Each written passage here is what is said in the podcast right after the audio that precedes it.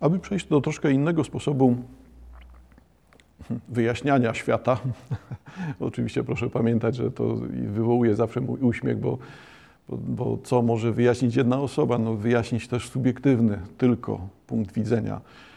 No, ale raczej traktowałbym to swoje wypowiedzi jako wypowiedzi nastawione na dialog. Rozumiem, że one są aktualnie monologiem, ale nastawione na dialog. One mają wywoływać to, żeby ktoś odpowiadał, żeby próbował sam siebie, swój światopogląd określić, nazwać, odnaleźć. Jest w tym dużo prawdy, że, e, że nie ma drogi indywidualnej, także jakby wszystko wyłania się z reakcji międzyludzkich. Zyskujemy na tym, że kontaktujemy się z innymi ludźmi. E, dlatego dzisiaj troszkę jako podsumowanie, a troszkę jako wprowadzenie sięgam do książki Anny Sobolewskiej, Mapy duchowej współczesności, co nam zostało z nowej ery. E, do książki na pewno jeszcze sięgnę, sięgnę w przyszłości, ciekawa rzecz, ciekawa i formalnie, i treściowo. Ale dzisiaj tylko jeden fragment. W rozdziale poświęconym twórczości Yy, poetyckiej, współczesnej twórczości poetyckiej, Anna Sobolewska sięga do postaci Miłosza. Jeden akapit dotyczący już schyłku życia Miłosza.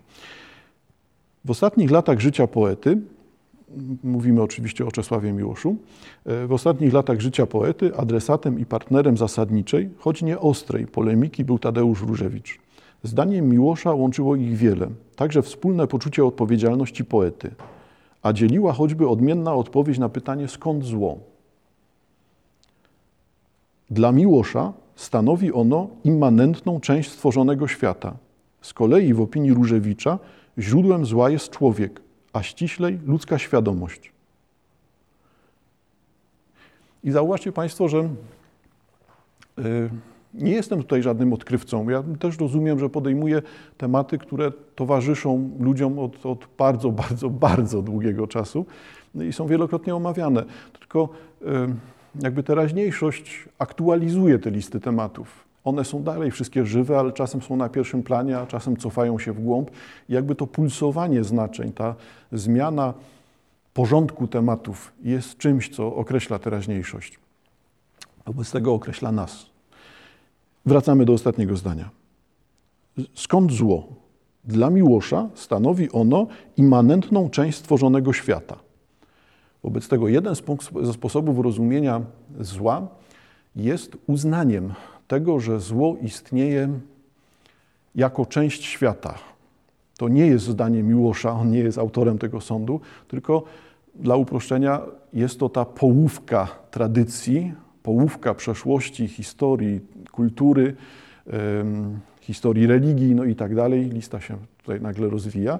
E, wobec tego e, powiedzmy, że połowa z tych sądów to są połowy uznające zło istniejące jako element składowy świata. Wobec tego to jest to zło niezależne od człowieka. To jest to zło, które istnieje od czasów przed ludzkością. Różne religie różnie na to będą odpowiadały. Nas będzie interesował oczywiście ten kontekst nam najbliższy, za chwilkę jeszcze, e, ale tutaj zapamiętajmy ten punkt wyjścia, czyli, czyli sądy, które określają zło jako wewnętrzną, przynależną, stanowiącą część świata.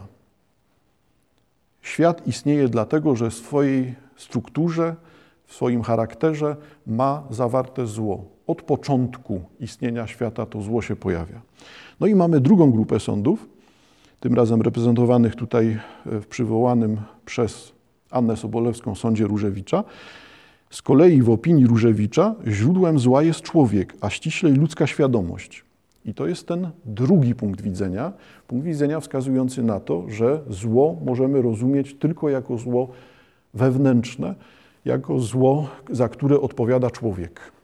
Czyli w tym, rozwijając ten e, punkt widzenia, no tutaj przypisany Różewiczowi, ale proszę pamiętać, to jest szerszy punkt widzenia, wobec tego rozwijając ten punkt widzenia, docieramy do tego, że zło poza człowiekiem nie istnieje. Jeżeli nie ma człowieka, nie ma zła. Zło wynika tylko z tego, że człowiek żyje. podejmuje decyzje, działa, oddziaływuje na innych ludzi, zmienia świat, zmienia samego siebie, ponosi konsekwencje swoich działań i czerpie korzyści ze swoich działań. Wobec tego w tym wszystkim pojawia się zło bezpośrednio, wewnętrznie powiązane z człowiekiem, a natomiast nie ma zła poza człowiekiem. Dwa punkty widzenia, między którymi będzie ta wibracja następowała, te, to pulsowanie sensów będzie e, widoczne. E, będzie nam to wielokrotnie towarzyszyło w najbliższym czasie, ze względu na to, że chciałem Państwu pokazać, w jaki sposób te, to rozumienie zła, zła istniejącego od początku świata i zła tylko autorstwa człowieka, te dwa sądy, w jaki sposób kształtują naszą wyobraźnię, w jaki sposób budują człowieka współczesnego.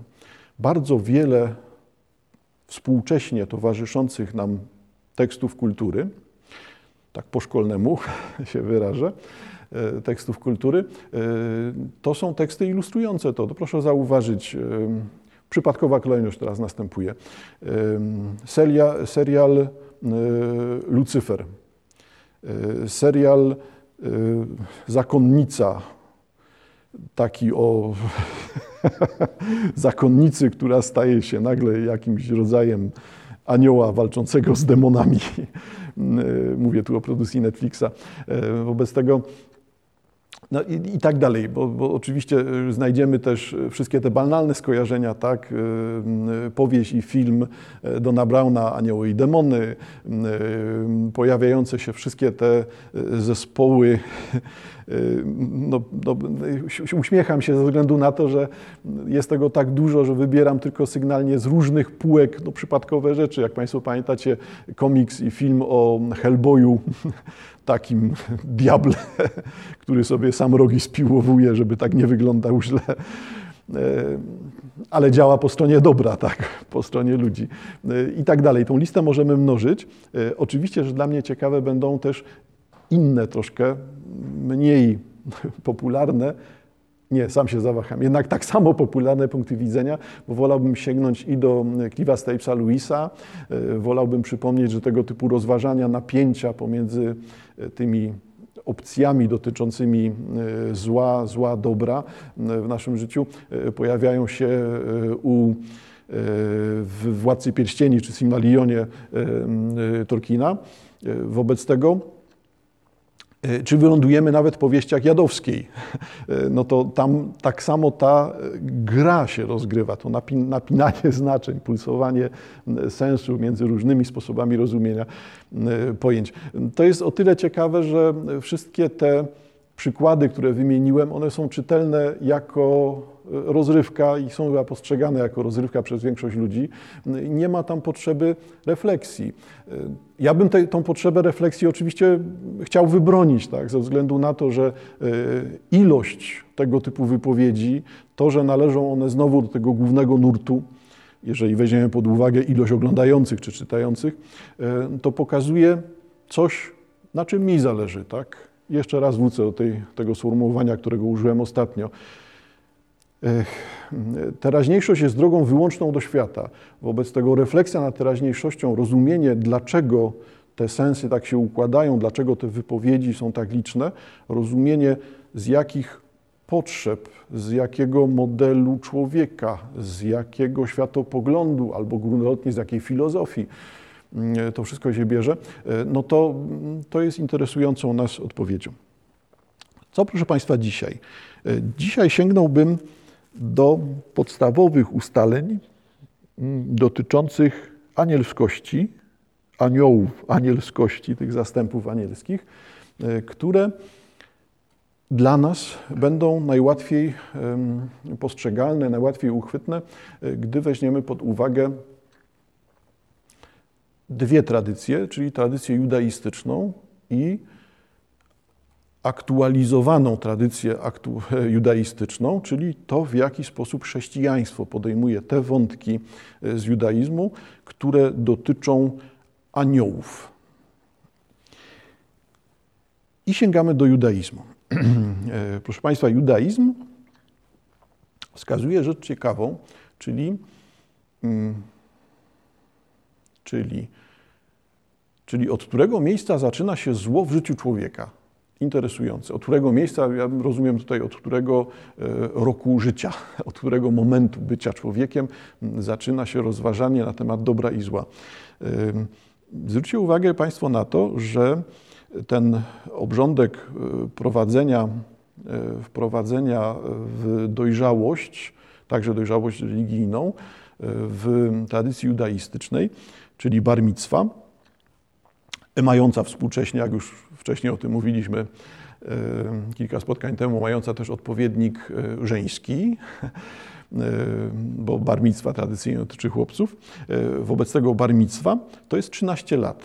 Chłopak w wieku 13 lat uczestniczy, czy ma to święto, w której uznaje się, że skłonność ku dobru wtedy się ujawniła, czyli że można świadomie podejmować decyzje kształtujące dobro od 13 roku życia. E, wcześniej e, skłonność ku złu pojawiała się od urodzenia w tej tradycji judaistycznej, skłonność człowieka, e, ale nie ma do tego 13 roku życia możliwości wyboru. E, oczywiście proszę rozumieć, że te uwagi e, o tradycji judaistycznej są uwagami człowieka z zewnątrz. E, wobec tego, jeżeli coś tutaj upraszczam, przesuwam, to, to proszę o wyrozumiałość. Co się dzieje wobec tego? W tradycji judaistycznej określona jest, określone są dwie strony. Jedna strona jest skłonnością ku dobru, dobrem, w sensie wybierania w życiu człowieka dobra, a druga, ta skłonność, druga, drugie pole działań dla człowieka, to jest skłonność ku złu. Wobec tego zostawmy sobie tą drugą stronę, lewą stronę, złą stronę, na razie na boku. Sięgnę do tego w momencie, gdy będę y, próbował określić tą złą stronę i zastępy diabelskie, które, tam, e, które tam mają miejsce, interesuje nas strona prawa. Zauważcie Państwo, że ta opozycja prawa-lewa tutaj rzeczywiście w tradycji judaistycznej jest bardzo mocno podkreślana i, i, też dziedziczona przez nas do dzisiaj, tak? bo do dzisiaj też mamy w głowach ten podział na, podział na strefy lewą, prawą i tak też intuicyjnie to rozumiemy, że nazwanie kogoś E, lewakiem, no jednak znowu felietonistycznie się pokuszę o to sformułowanie, jest niczym innym jak wpisaniem go e, do sił zła. No cóż, ale to wynika zapewne jednak ze świadomych działań, a nie z nieświadomych celów takich wypowiedzi. Wobec tego, tradycji judaistycznej, wolna wola człowieka musi istnieć, e, ale ta wolna wola jest wyborem pomiędzy dobrem a złem.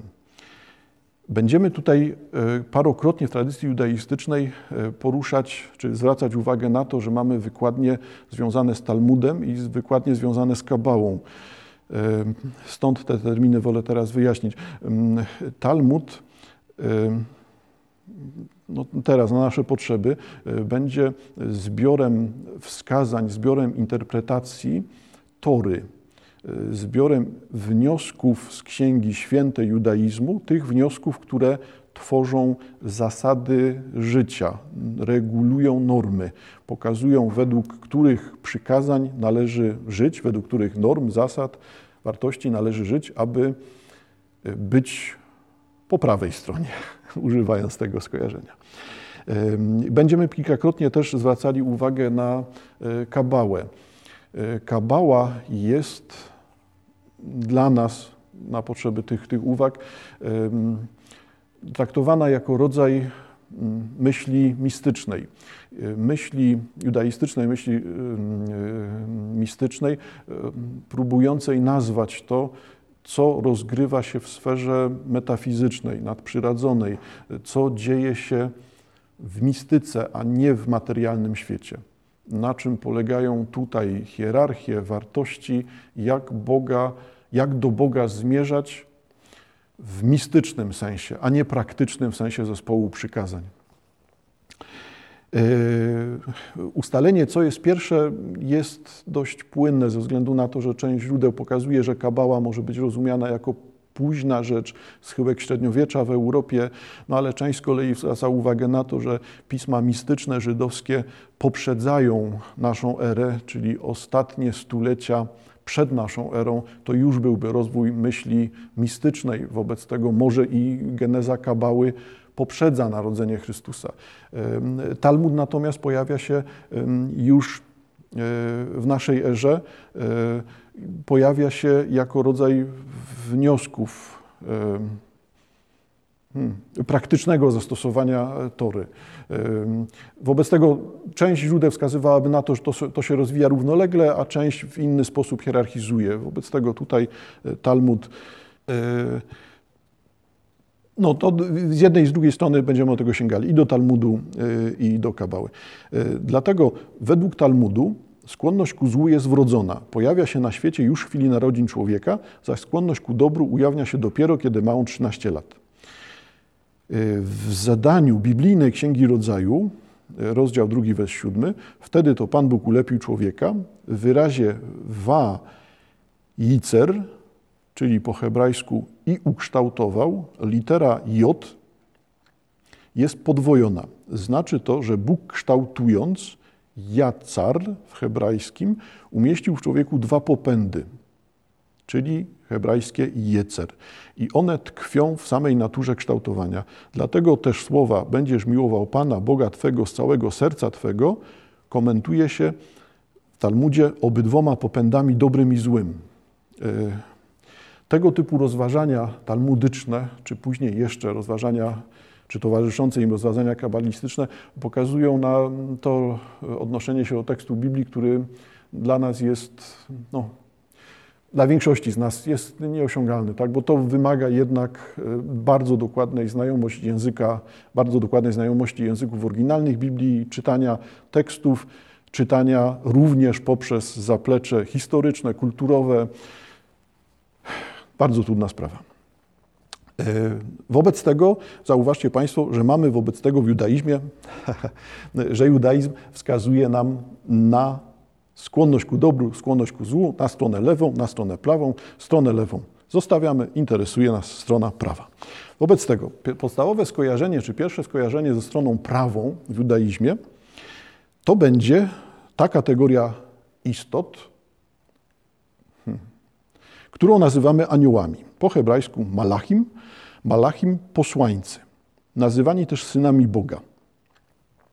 Nazywani też świętymi, nazywani świętymi istotami, nazywani serafinami. Y, tutaj się jednak sięgnę do hebrajskiego. W hebrajskim mamy serafim, serafim z M na końcu, a tutaj ta spolszczona postać, którą rozpoznajemy, to serafin. Serafin, po hebrajsku serafim, posłaniec Boga, rzecznik praw ludzkich, zanoszący modlitwy jego, przed Jego oblicze. Serafim, ten, który będąc posłańcem Boga, jednak pośredniczy między Bogiem a ludźmi.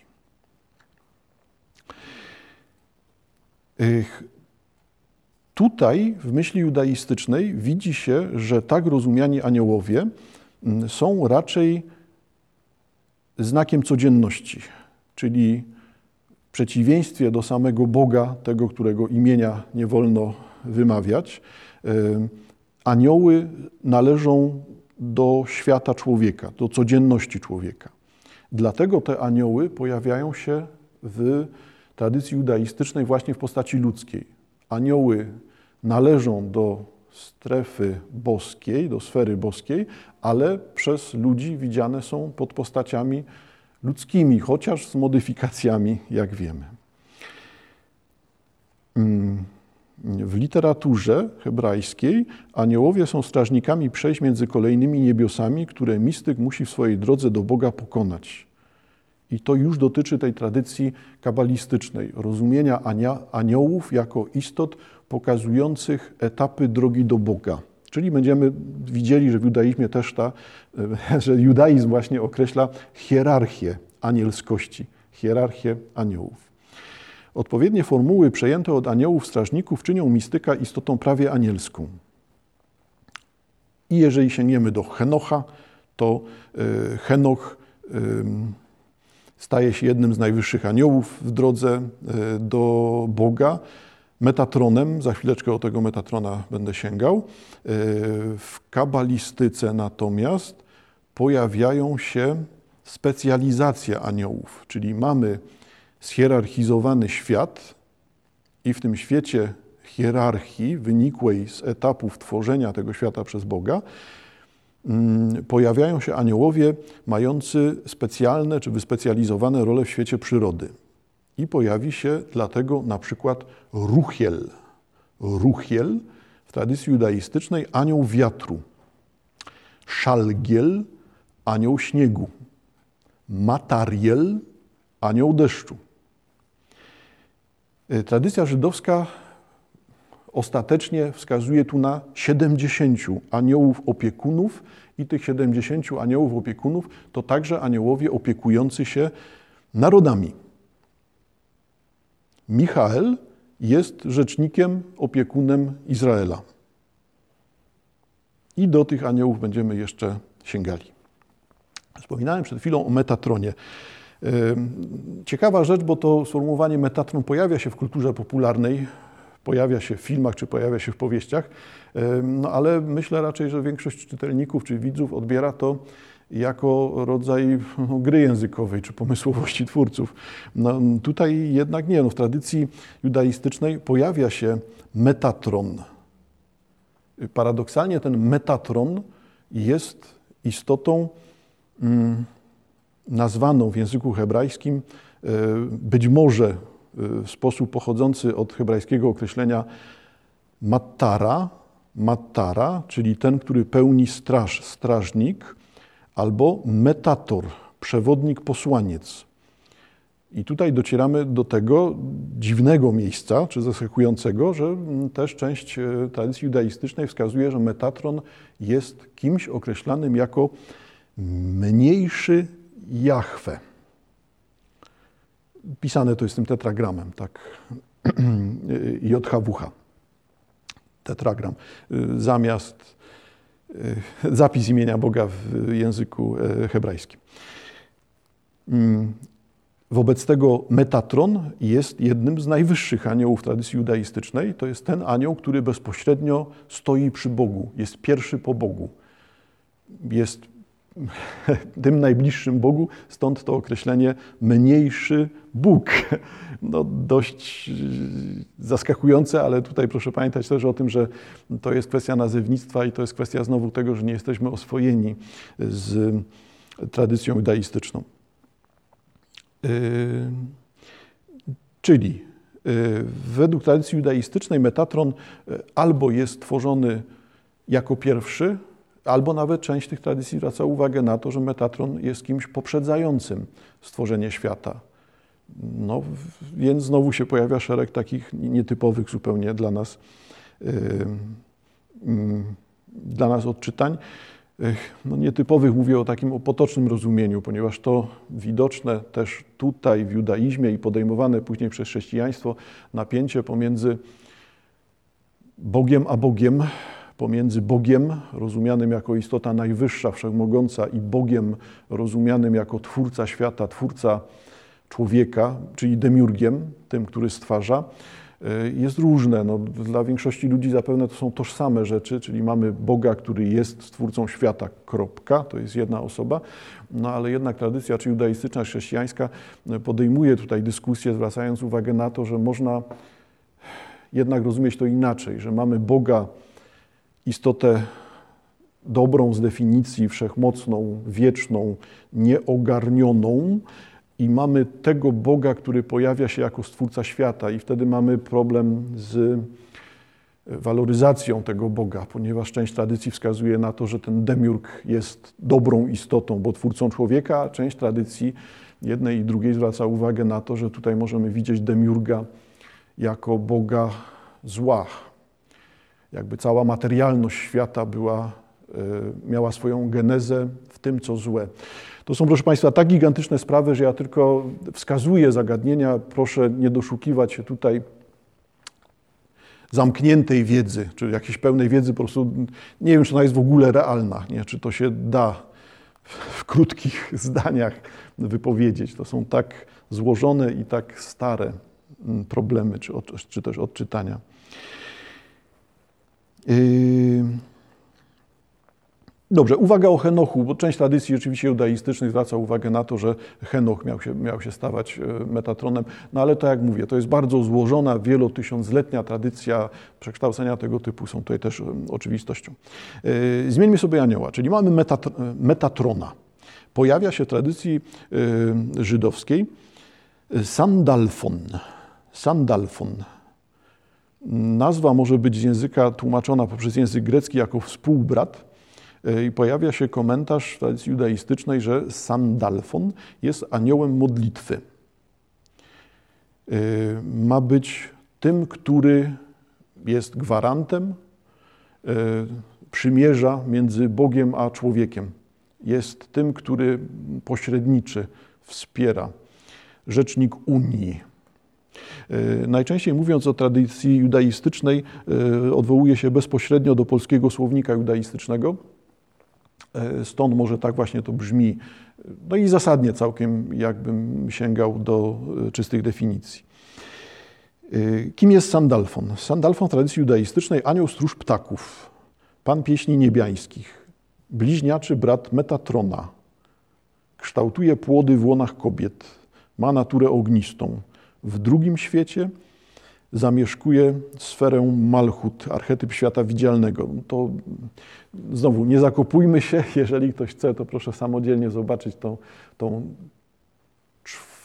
to poczwórne istnienie świata w tradycji judaistycznej. E, często Sandalfon w tradycji judaistycznej pojawia się e, jako postać utożsamiana z Eliaszem. Mamy wobec tego Metatrona, mamy Sandalfona i mamy grupę aniołów oblicza. Znowu pojawia się księga, e, księga starotestamentalna Henocha. E, aniołowie oblicza należą do aniołów oblicza Michael, Gabriel, Rafael i Fanuel. A według późniejszych źródeł także związanych już z tym rozwojem judaizmu w naszej erze, e, to Michael, Gabriel, Uriel, Rafael. Dlaczego e, mówię o takich ciągach nazw własnych? Dlatego, że e, one właśnie są współcześnie przez kulturę popularną włączone. Wygląda być może dla części widzów czy czytelników, że że to jest twór wyobraźni, czy mm, reżysera, scenarzysty y, bądź autora książki, no, a w rzeczywistości jest to właśnie ta no, no, fascynująca tak naprawdę gra y, z tradycją, gra z tradycją, tutaj z tradycją judaistyczną. W starych tekstach tych odniesionych, y, odnalezionych y, w Qumran y, pojawia się grupa aniołów, których imiona Michael, Gabriel, Suriel, Rafael mm, mają być wypisane na wieżach obrężniczych podczas ostatniej bitwy między synami światłości a synami ciemności. Czyli wracamy do tej wyobraźni takiej apokaliptycznej. Apokalipsa to nie jest tylko księga Nowego Testamentu, tylko to są wszystkie księgi dotyczące schyłku czasów końca świata, sądu ostatecznego. E, ciekawe, bo jakby potwierdzające tą, tą trwałość, tak, trwałość tych, e, trwałość rozumienia tych kategorii oblicza, że jakby pierwszy, e, najważniejsza grupa aniołów to są te, które są bezpośrednio wyrazicielami woli Boga, ze względu na to, że ta grupa, trzymajmy się tego, że to jest Michał, Gabriel, Uriel, Rafael, mm, to są ci, którzy stali po stronie Boga, walcząc z siłami zła. Czyli to są tych, ci, tych czterech przywódców sił dobra. Tych czterech doprowadza do upadku zła w tej pierwszej wojnie między dobrem a złem. W tradycji judaistycznej e, kolejna grupa ciekawa to aniołowie miłosierdzia, nazywani głosicielami łaski. Grupa aniołów, którzy wspierają ludzi, przenoszą modlitwy ludzi do Boga, skłaniają Najwyższego, e, aby no, przejął się losem ludzi. E, pojawiają się te, ci głosiciele łaski, aniołowie miłosierdzia, pojawiają się późno i to są właśnie zapisy talmudyczne. No ale istnieją, istnieją wyobraźni, dlatego czy judaizm reformowany, czy ortodoksyjny, tam będą te rozważania, czy też te obrazy aniołów się przewijać. Interesująca postać anioł śmierci. Tradycja żydowska w języku hebrajskim malach hamawet, anioł śmierci, anioł przynoszący człowiekowi śmierć. Biblijne wzmianki czynią zeń alegoryczną personifikację zabójczego wymiaru działania Boga. Czyli ten anioł śmierci jest personifikacją śmierci wynikającej z decyzji boskiej, z woli boskiej. Bóg realizuje swoją wolę, ujawniając ją w tej personifikowanej sile woli, tutaj o nazwie anioła śmierci.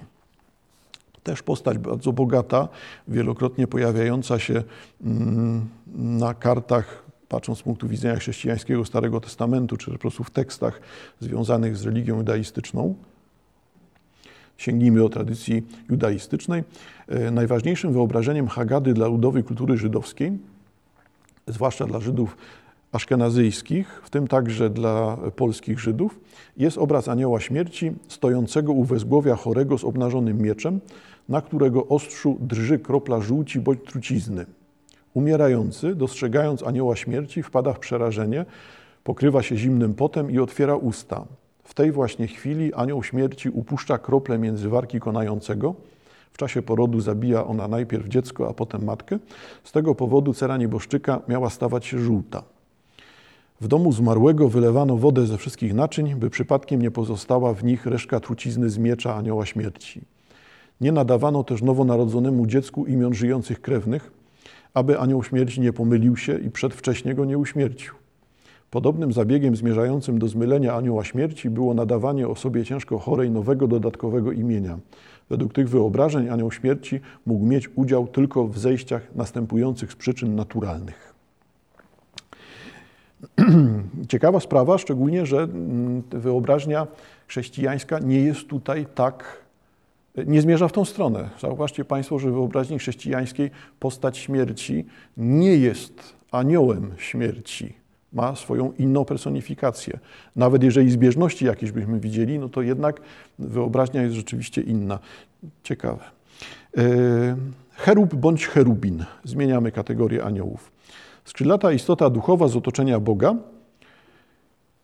Wynika ta nazwa z różnych określeń. Możliwe, że cherubin oznacza błogosławić, e, bądź jest to geniusz, czyli duch, siła, geniusz strzegący świątyń i pałaców, e, bądź języka aramejskiego e, orać, tutaj jako oznaczenie wołu służącego do orania.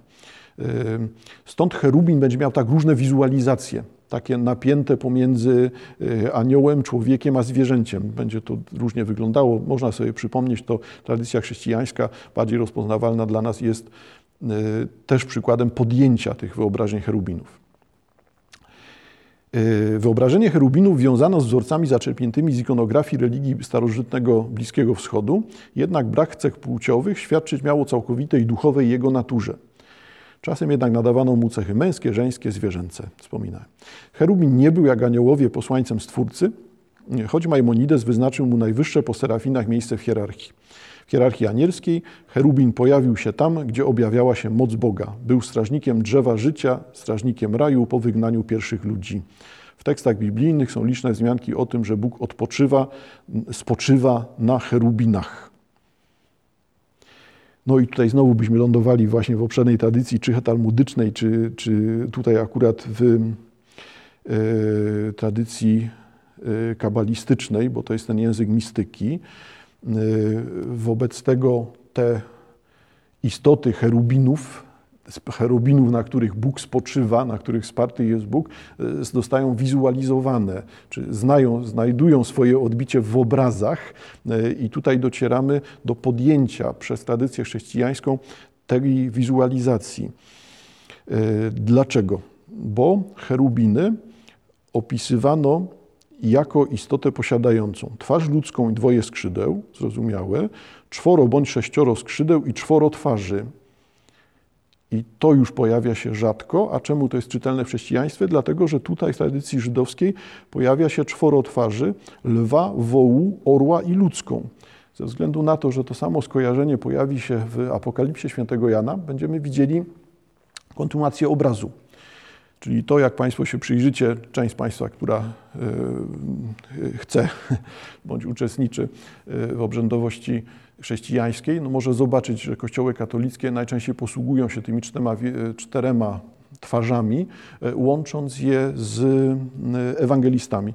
Już o tym wspominaliśmy kiedyś. Lew, wół, orzeł, człowiek. I dlatego cherubiny w tej, w, tych, w tej wyobraźni czy sposobie rozumienia Mm, takich objawień woli, mocy Boga e, w judaizmie, jak widać, bardzo mm, liczne mamy przed sobą. E, I przejdźmy do tych wspomnianych e, czterech imion już na koniec tradycji judaistycznej. Czyli pojawi się Gabriel. Gabriel w języku hebrajskim Gavriel, siła Boga. Tak możemy tłumaczyć to imię. Gabriel, według tradycji żydowskiej, archanioł zajmujący wraz e, z Michaelem i Rafaelem najwyższe miejsce w hierarchii istot anielskich. Czyli mamy naszego e, Gabriela, Gabriela, która ma być, który ma być przywódcą, szefem, zwierzchnikiem. W Biblii występuje jako pośrednik objawienia, dotyczy losów Jerozolimy w czasach mesjańskich, orędownik spraw Izraela i w ogóle człowieka u Boga, także stróż raju. W erze mesjańskiej stoczy ostateczną walkę ze złem. Czyli Gabriel ma być tym, który będzie przewodził siłą dobra, tym, który niszczy zło. Oczywiście jest to jeden z przywódców sił dobra, ale tutaj z podkreśleniem, że to jest ten pierwszy, najważniejszy. Yy, Rafael. Y, Rafael w języku hebrajskim mm, wyjaśnia się to określenie, czy też to, ten termin, y, jako Bóg leczy, kuruje, tak niesie zdrowie. Y, archanioł, funkcja w judaizmie to jest funkcja archanioła, który uzdrawia świat, uzdrawia ludzi. Ma pomagać ludziom, pocieszać ludzi, ma dawać ludziom mądrość. Z Rafaelem w tradycji żydowskiej związany jest wąż. Rafael miał przekazać Adamowi mistyczne tajemnice o strukturze wszechświata. Noemu natomiast dał księgę mądrości, aby oświetlała jego arkę wśród mroków potopu. Abrahama uleczył z dolegliwości spowodowanych obrzezaniem. Jest jednym z czterech aniołów boskiej obecności, wspominaliśmy wcześniej. Stoi z tyłu Bożego Tronu Chwały. W Radzie Aniołów w opozycji do większości był rzecznikiem stworzenia człowieka. Zauważcie Państwo, że to są bardzo proste wskazania, proste wskazania które e, odsyłają nas do tego, co należy do całego zespołu tradycji ustnej. Cała strefa, cała sfera, przepraszam, w której teraz się poruszamy, czyli ta sfera anielska, e, w stosunkowo niewielkim stopniu związana jest z tradycją ksiąg świętych. To jest ta tradycja, która pojawia się jako tradycja zewnętrzna, jako coś, co towarzyszy, jest wyobrażeniem bardzo trwałym, no ale jednak wyobrażeniem, wizualizacją, komentarzem, budowaniem pewnych opowieści, które mają wyjaśniać treść ksiąg świętych, no bądź raczej mają wyjaśniać mm, to, czym jest Bóg, w jaki sposób Bóg się e, ujawnia. E, co wobec tego? Mm, Gabriel, Rafael, Uriel – Uriel w języku hebrajskim tłumaczone jest e, to słowo jako światło Boga. Uriel jest archaniołem reprezentującym boską światłość. Stępował na ziemię podary ofiarne w postaci lwa. Wspominaliśmy wcześniej o tych realizacjach, e, wizualizacjach. E, w czasie wyjścia z Egiptu spowodował rozstąpienie się Morza Czerwonego. Zwiastował narodzenie Samsona. Obok Gabriela, Michaela, Rafaela należy do aniołów otaczających Boży Tron Chwały. Wspominaliśmy wcześniej. Gabriel, Rafael, Uriel, Michael. Któż jest jak Bóg? To jest tłumaczenie z języka hebrajskiego.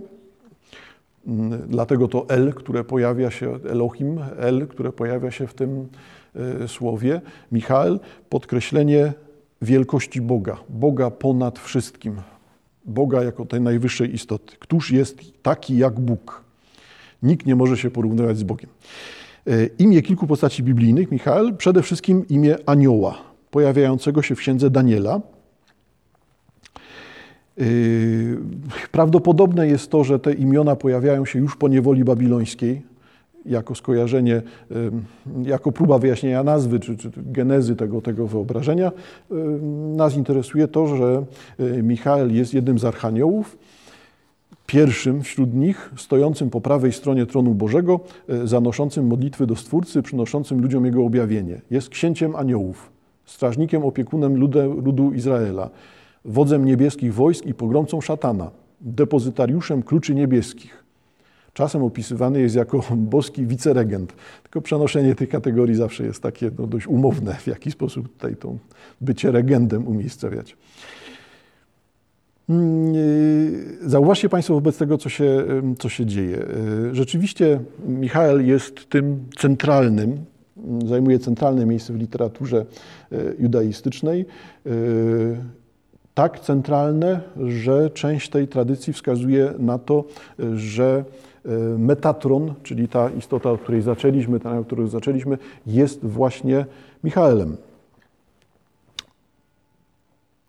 No to cóż, Mamy przed sobą księcia aniołów, mamy przed sobą księcia aniołów, który pojawia się również i we wspomnianej przez nas modlitwie, święty Michale Archaniele. E, wobec tego zauważcie Państwo, że już mamy ciekawy wniosek dotyczący jakby trwałości w drugą stronę. E, podjęcie tych wyobrażeń, takiego rozumienia świata, takiego akcentu położonego na mm, wojnę dobra ze złem, zastępów anielskich z aniołami, zastępami diabelskimi, e, jest e, bardzo dobrą, bardzo zręczną mm, kontynuacją wyobrażeń e, żydowskich. Tutaj wyobrażeń żydowskich podjętych, przekształcanych przez mm, wyobraźnię czy filozofię to są oczywiście różne kategorie, tak, ale no, mogę je tutaj akurat zaryzykować, umieścić razem. Chrześcijańską. Wobec tego pytanie dalej jest takie samo. No, czy człowiek, który sięga do tego święty Michale Archaniele, jest świadomy tego, do której tradycji się odwołuje yy, i czy jest świadomy, to jest akurat mniej ważne, dla mnie, moim zdaniem, jest mniej ważne, ponieważ jakby nie ma różnicy między tradycją judaistyczną a chrześcijańską. Chrześcijańska jest e, nadbudową, w pewnym sensie nadbudową, jest przekształcaniem e, tradycji, no selektywnym oczywiście, ale przekształcaniem tradycji judaistycznej. E, wobec tego ciekawe w tej modlitwie jest to, że jest ona tak duża. Duża w rozumieniu odsyła nas do tylu tysiącleci kształtowania się pewnej myśli i pewnego wyobrażenia o tym, czym są napięcia pomiędzy dobrem a złem, na czym polegają zaskakujące chyba często sposoby zwizualizowania, nazwania, hmm, uprzystępnienia człowiekowi tego, co wygląda na nienazywalne cechy Boga. W jaki sposób nazwać to, że Bóg jeden ten najwyższy przejawia się w tak różny sposób, w tak różnym celu, pod tyloma postaciami. Dla mnie interesujące jest to, że, yy, hmm, że ten problem, który tutaj widzimy, tego objawiania się Boga, jest czymś, co może w skrajnym przypadku prowadzić właśnie do argumentowania, pokazywania myśli całkowicie politeistycznej. Jakby jeżeli potraktujemy, trzymajmy się tylko tych przykładów mm, tradycji żydowskiej, e, przykładów anielskich. Wobec tego, jeżeli potraktujemy je jako objawy woli Boga, to tak naprawdę rozumiemy, że nadawanie im kształtów ludzkich, ta usilna personifikacja i próba nazwania tych objawów woli Boga, mocy, energii, działania, decyzji e, Boga, e, no jest no protezą, tak? jest próbą określenia czegoś, co pozostaje poza e, nami, co jest dla nas nieuchwytne, czegoś, czego nie jesteśmy w stanie nazwać. Wobec tego, tego tą potęgę Boga wolimy zobaczyć w przejawach, wolimy zobaczyć w kawałkach, jako przejawy, jako elementy. I te elementy traktujemy nagle odrębnie. E, no ale oczywiście, że ta tradycja angelo, angelologiczna e, jest tradycją, która podtrzymuje jakby personalizm, osobowość, cech, e, osobowość anielską. Traktujemy je przecież w tradycji judaistycznej i w tradycji chrześcijańskiej jako osoby. Ale właśnie z tym napięciem, nie? czy to są osoby, czy anioł posiada wolną wolę. To zaczyna być wszystko e, bardzo trudne. E, proszę potraktować te uwagi o tradycji żydowskiej jako rozpoznanie. Wracamy potraktować jako rozpoznanie, przemyśleć, zastanowić się, uporządkować się, uporządkować tą wiedzę, bądź potraktować to jako zbiór mm, obrazowych anegdot. Sięgamy jeszcze do tradycji chrześcijańskiej na następnym spotkaniu.